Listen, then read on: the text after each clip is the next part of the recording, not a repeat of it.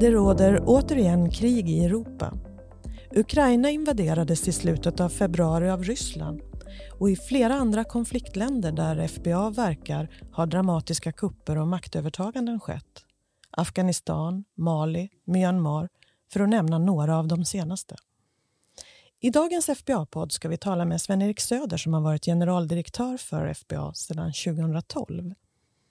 Under hans ledning har en ny aktör på biståndsarenan i Sverige vuxit fram. En myndighet som kombinerar bistånd med arbete för fred och säkerhet. Jag heter Kiki Westin och jobbar med kommunikation på FBA. Välkommen, Sven-Erik. Tack så mycket. Vi ser med förfäran på hur städer ödeläggs och civila på teater eller i skolan begravs i rasmassor efter bombanfall. Vilka bilder från Ukraina har du med dig på näthinnan idag? Det är väldigt många bilder. Eh, naturligtvis så nu det som sker i Ukraina det är det som man först och främst kommer att tänka på. Men eh, när jag tittar på Ukraina idag så kommer jag också ihåg mina första intryck ifrån landet. Eh, jag har haft en arbetsrelation till Ukraina de senaste 20-25 åren och har besökt landet väldigt många gånger i olika kapaciteter. Vilken förändring har du sett över tid i, i landet?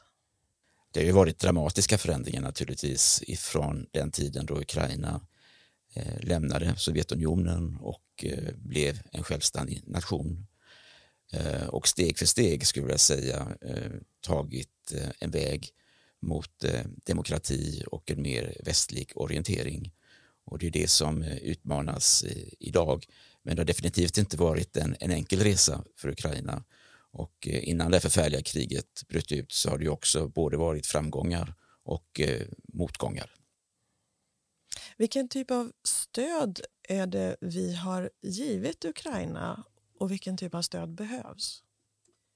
Eh, om vi talar om FBA och det stödet som, som vi har gett så har det varit av lite olika karaktär över åren. Ehm, det största stödet som vi har gett har varit i termer av att vi har försett de internationella organisationernas missioner i Ukraina med eh, personal. Och eh, vi har varit på plats i Ukraina sedan eh, 2014, alltså de senaste åtta åren i princip. Och ehm, den stora missionen som har verkat under den här tiden personellt sett i Ukraina, det är en mission som drivs av Organisationen för säkerhet och samarbete i Europa, OSSE, som har haft uppgift att eh, övervaka situationen efter eh, den ryska aggressionen i de östra delarna utav eh, Ukraina 2014. Och vi har försett den missionen med observatörer, men annan expertis också över tid. Och det är många svenskar som har blivit utsända till FBA för att göra viktiga uppgifter i Ukraina för oss.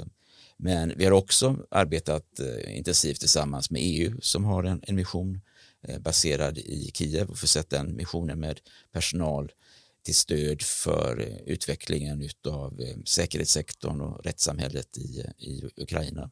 Och vi har också samarbetat med personalbidrag både till Europarådet och till UNDP i Ukraina. Mm. FBA har ju i uppdrag att stärka internationella fredsinsatser. Myndigheten rekryterar civil personal som bemannar både högkvarter och fältkontor som drivs av just OSSE, EU och FN. Och OSSE, som du nämnde, tvingades ju nyligen evakuera sin personal från flera platser i Ukraina och flera av dem var på uppdrag av FBA. Det här är också ett av myndighetens äldsta uppdrag att bemanna fredsinsatser.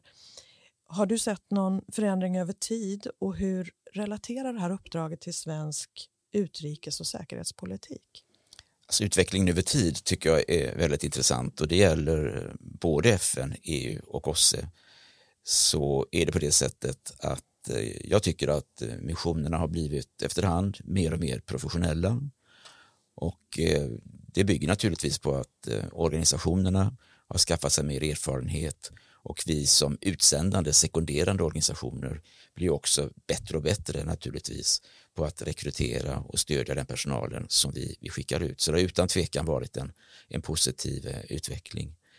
Eh, sen tycker jag det är intressant att du lyfter frågan om eh, vilken del de här missionerna spelar i utrikespolitiken. För jag tycker att de spelar en viktig roll som vi inte alltid tänker på. Och om man skulle förenkla resonemanget något kan man väl säga att de här missionerna är ett sätt att gå från ord till handling. De är på något sätt en förlängd arm för utrikespolitiken och jag kan ta ett par exempel. Eh, Sverige driver ju med stor framgång sedan ett antal år tillbaka en feministisk utrikespolitik och eh, det är inte bara ord utan det är också handling. Och vad vi gör då som eh, sekunderande eller utsändande eh, myndighet det är att vi förser de här internationella organisationerna med expertis, med, med genderrådgivare som kan göra skillnad på marken i de här organisationerna när det gäller eh, jämställdhetsarbete. Fred och säkerhet, fredsfrågor är ju också en väldigt viktig del av svensk eh, utrikespolitik och eh, alla de här visionerna eh, bidrar ju på olika sätt till att skapa stabilitet, till att skapa fred och att skapa säkerhet. Eh, Sen är framgången naturligtvis eh, varierande, mycket beroende på hur det ser ut i de länderna som vi, som vi arbetar. Eh, men jag skulle också vilja säga fram tills det här förfärliga kriget exempelvis bröt ut i Ukraina så är det ingen tvekan om att eh, OSSE-missionen som har verkat då i de östra delarna av Ukraina har bidragit till att situationen har varit lugnare än vad den annars skulle varit. det är jag helt övertygad om. Mm.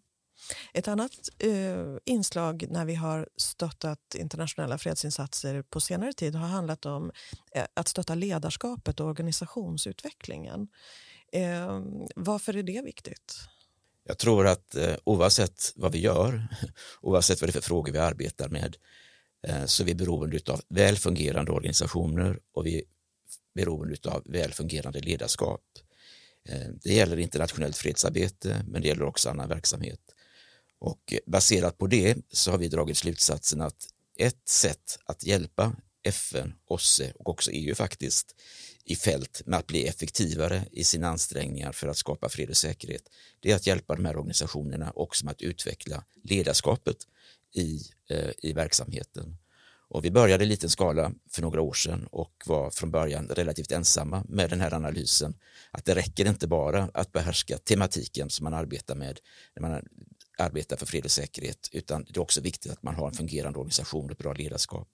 Och idag kan vi se, och det är väldigt roligt, att efterfrågan är enorm faktiskt. Och det är stor samsyn eh, mellan oss och alla de partnerorganisationer som vi arbetar med att det här är viktigt att stärka ledarskapet och eh, jag bedömer detta utan tvekan som ett väldigt viktigt framtidsområde för FBA. Mm. Under din ledning blev FBA också del i sin första landstrategi. Vi fick med andra ord uppdrag av regeringen att arbeta tillsammans med Sida för att bidra till utvecklingssamarbete och vår nisch blev konfliktländer. Den första strategin gällde DRK Kongo där det som vissa kallar Afrikas första världskrig har satt djupa spår i samhället. Hur var det? Det låter som en, en svår uppgift, en, en utmaning att börja bryta ny mark på det viset för en, en ny myndighet. Det var väldigt svårt eh, på många sätt. Eh, men jag tyckte när jag kom till FBA för ett antal år sedan att det var verkligen en paradox att eh, det finns och fanns en myndighet, statlig myndighet som rapporterar till utrikesdepartementet som har instruktion att arbeta för internationell fred och säkerhet som är till stor del finansierad över biståndsanslaget och samtidigt inte hade ett enda uppdrag av regeringen för att inom biståndet arbeta med fred och säkerhet. Så vi lyfte den frågan och resultatet blev att vi skulle pröva oss fram och som du säger då den första insatsen som vi fick i uppgift att driva var just i eh, DRK, den Demokratiska republiken Kongo. Ehm, och eh, som alltid när man bryter ny mark så är det inte alldeles eh, enkelt för det har ju inte gjorts tidigare. Men resultatet blev ju väldigt bra, överväldigande skulle jag vilja säga. Och eh, idag så är det ett etablerat arbetssätt så varje gång Sverige, den svenska regeringen bestämmer sig för att eh, fatta beslut om nya biståndsinsatser i ett konflikt eller postkonfliktland så får FBA uppdrag. Så den här verksamheten den har nu då från ett enskilt projekt i, eh, i Kongo, DRK, vuxit till insatser i princip på alla kontinenter runt om i världen. Mm. Länderna har blivit eh, långt många fler sedan dess. Jag nämnde några i början. Det är ju svåra länder det är militärövertagande till exempel i Myanmar och det är ett talibanövertagande i Afghanistan. Vi har också verksamhet i Somalia där man skulle ha haft nationella val för första gången på drygt 50 år. Eh, men de har skjutits på framtiden och det har man också gjort i, i Palestina. Sen har vi också Irak eh, i vår, i vår liksom palett av länder.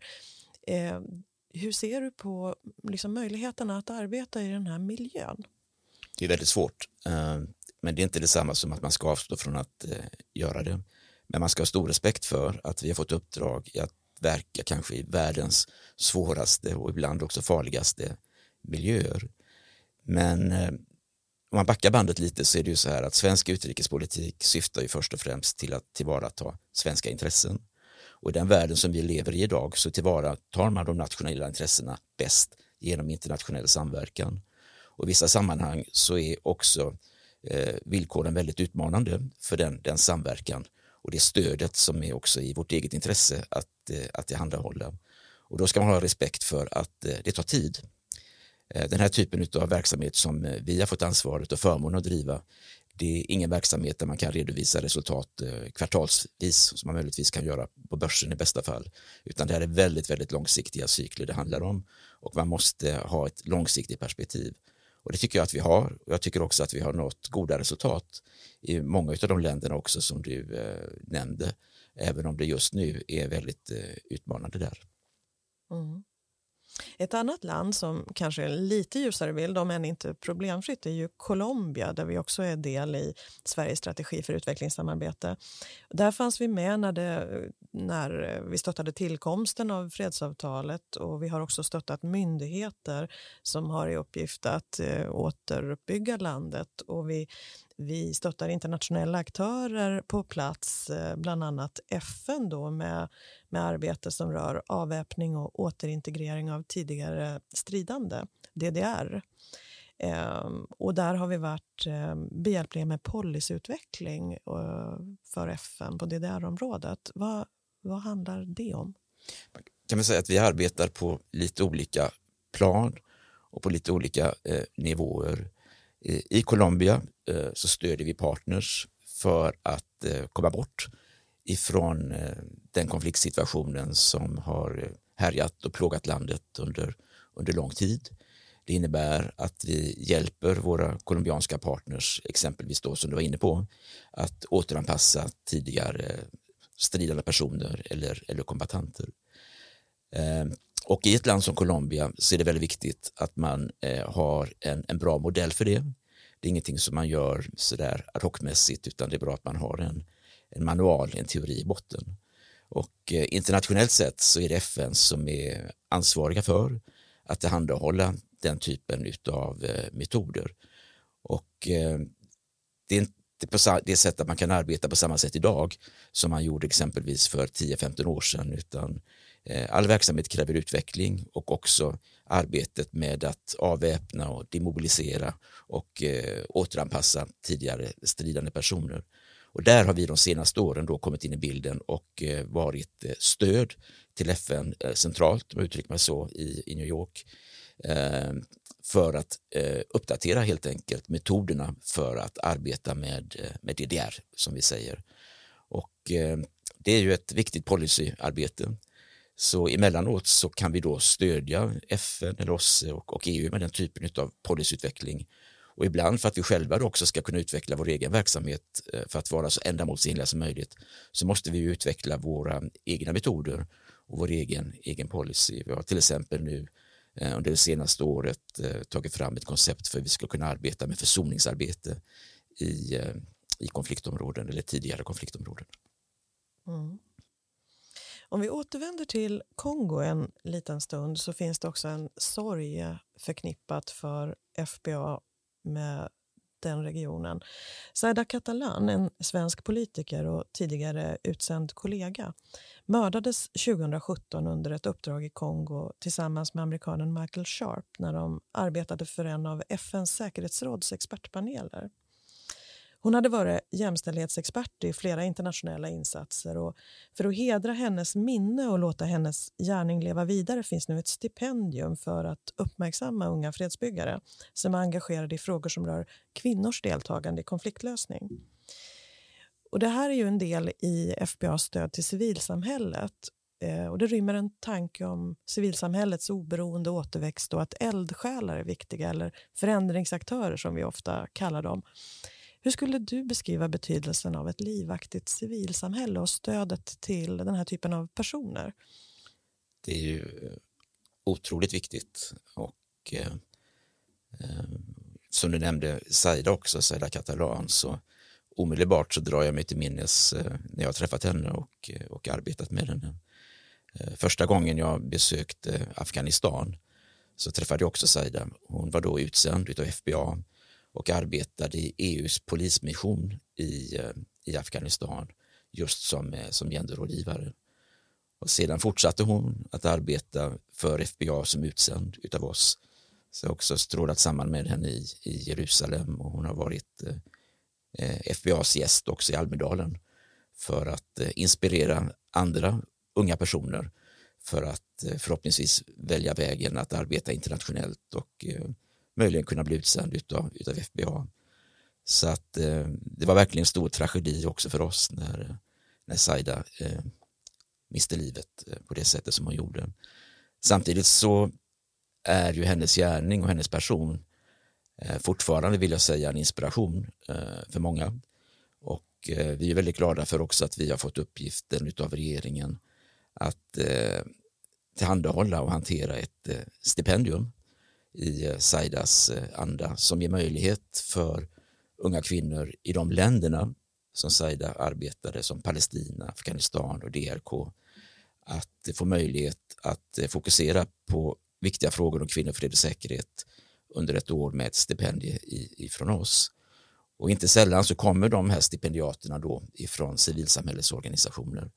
Så även om vi är en statlig myndighet och i huvudsak arbetar med Eh, statliga partners eh, i de länderna som vi arbetar så vill jag ändå säga att man kan aldrig eh, överskatta betydelsen utav civilsamhällesorganisationer för att det finns inga livaktiga och välfungerande demokratier om det inte också finns ett livaktigt civilsamhälle. Så även om det är en liten del utav vår verksamhet att stödja civilsamhället ekonomiskt så är det en otroligt viktig del som betyder mycket. Mm. Du nämnde kvinnor, fred och säkerhet. Och när det gäller då, eh, kvinnor, fred och säkerhet så finns det en FN-agenda som är mycket central för FBA. Vi är regeringens expertmyndighet i genomförandet av säkerhetsrådets resolution 1325 och de efterföljande som, som utgör den här agendan. Och Det finns också ett nytt framgångsrikt koncept som har prövats i Organisationen för säkerhet och samarbete i Europa, OSSE, eh, som handlar om att, eh, att främja jämställdhet, att leda för jämställdhet. Gender responsive leadership heter det. Och nu fortsätter seniora chefer i EU att delta i det här programmet och det finns ett stort intresse för det. Har du eh, gått utbildningen? Är du nyfiken på den? Jag har inte gått utbildningen men jag har varit med att initiera utbildningen eh, och konceptet. Och eh, tanken bakom eh, det här konceptet som vi då kallar för Gender Responsive Leadership är att det finns ingen verksamhet idag som vi var inne på tidigare som fungerar väl om det inte också finns ett väl fungerande ledarskap. Samtidigt så finns det inget ledarskap som fungerar väl utan att det finns också ett genomtänkt eh, jämställdhetstänkande. Eh, det finns inga bra ledare idag eh, utan att de ledarna också kan hantera jämställdhetsfrågor på ett progressivt och eh, framåtsyftande sätt.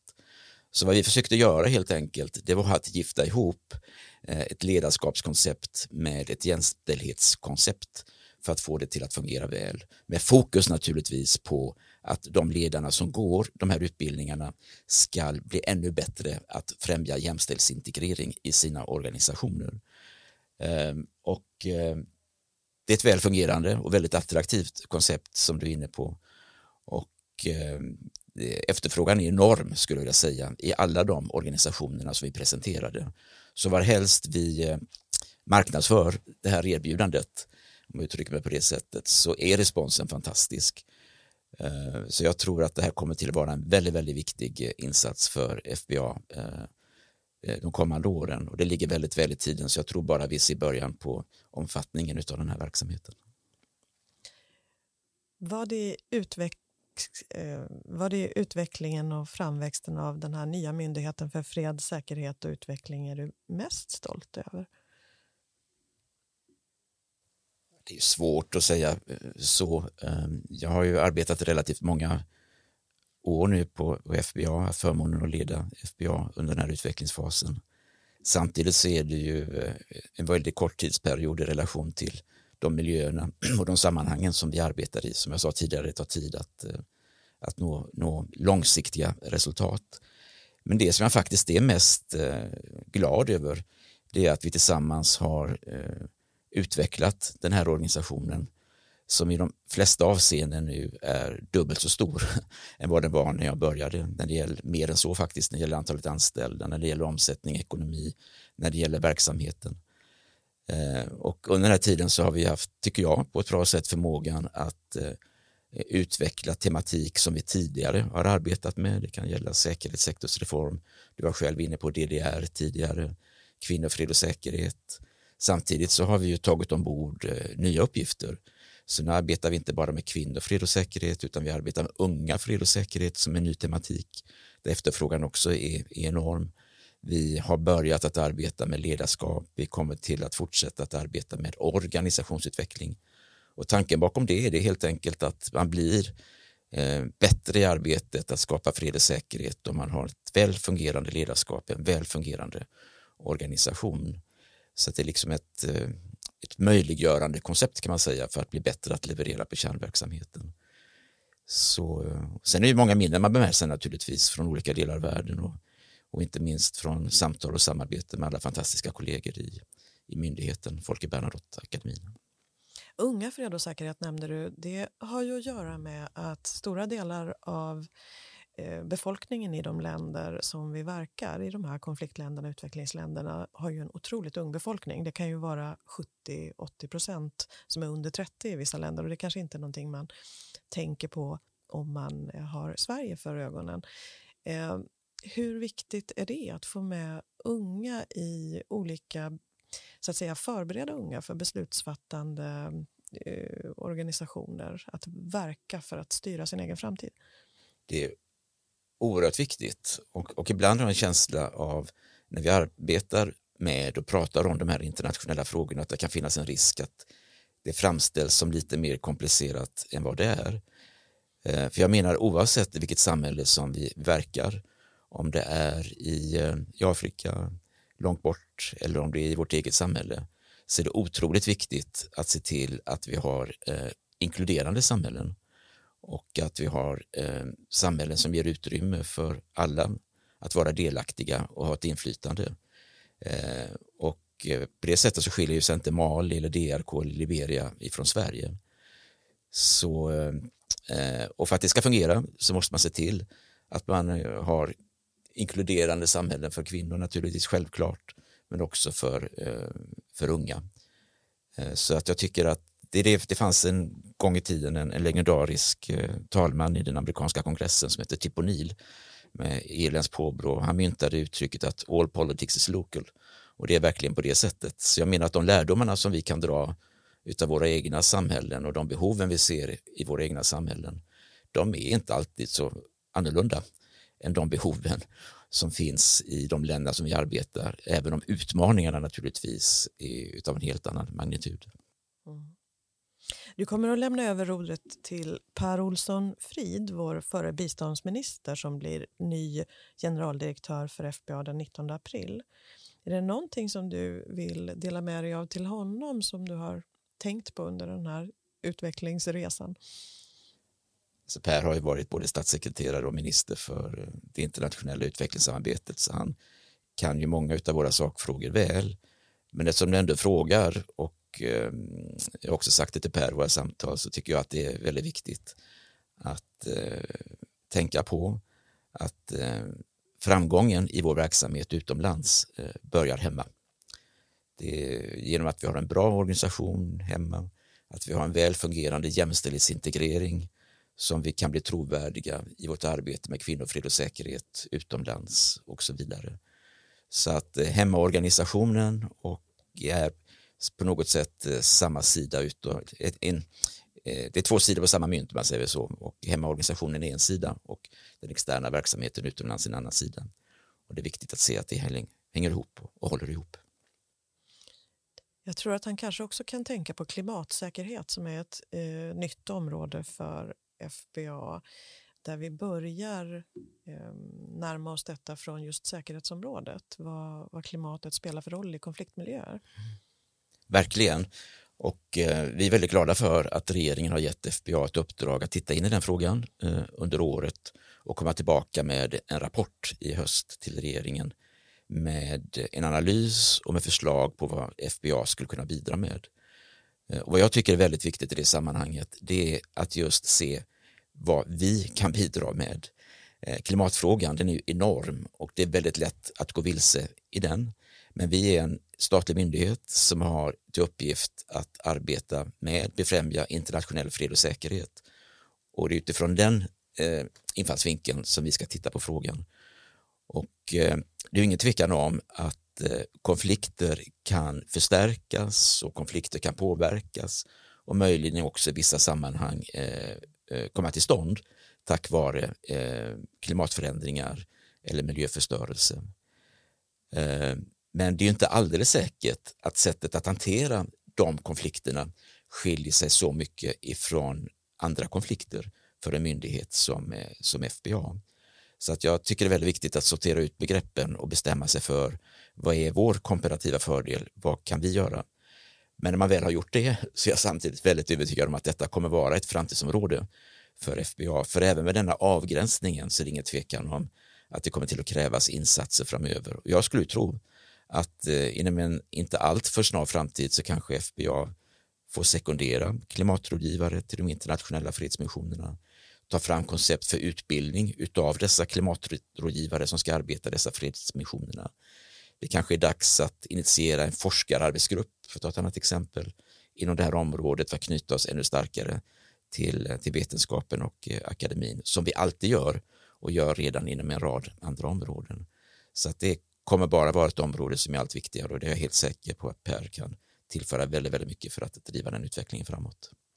Det är en enorm utvecklingsfråga, klimat och, och säkerhet relaterat till det. Ser du några andra såna här stora, viktiga utvecklingsfrågor som eh, är av relevans för den här myndigheten och den sektor den befinner sig i? Det finns naturligtvis många, många områden. På samma sätt tycker jag att det är viktigt att fortsatt titta in och se vad eh, den nya tekniken, som inte alltid känns så ny, men tillämpningen av den kan betyda för det internationella eh, fredsarbetet. Jag tänker på big data och eh, AI och, så vidare. Ehm, samtidigt, eftersom du ställer frågan, så känner jag också att vi är inne på något sätt i en tid som när vi tittar tillbaka möjligen kan betraktas som ett paradigmskifte. Eh, och det är klart att då är det ju konflikten i Ukraina som har ställt väldigt mycket eh, på sin spets eh, den senaste månaden. Eh, och jag tror att eh, vi kanske är i det läget nu där det är viktigt att ställa frågorna för det är omöjligt att ha alla svaren. Men jag är helt övertygad om att det finns ett datum före den 24 februari och ett datum efter den 24 februari. Och det är en annan verklighet som vi lever i idag. Och det kommer till att påverka storpolitiken, svensk utrikespolitik, säkerhetspolitik. Men det kommer också att påverka det internationella utvecklingssamarbetet och det kommer också påverka FBAs verksamhet framöver. Det är jag helt övertygad om. Mm. Vi började ju just med det att det är stora samhällsförändringar som har påverkat FBAs utveckling och tillkomsten av en myndighet för fred. Det var i en tid strax efter kallt krig. Så nu har vi den här ryska aggressionen igen och vad tror du om utvecklingen för verksamheten? Ja, jag är helt övertygad om att den kompetensen som eh, FBA har och den myndighet som, som vi är, ehm, det kommer att finnas stor och möjligtvis större efterfrågan på det som vi kan bidra med eh, eh framöver.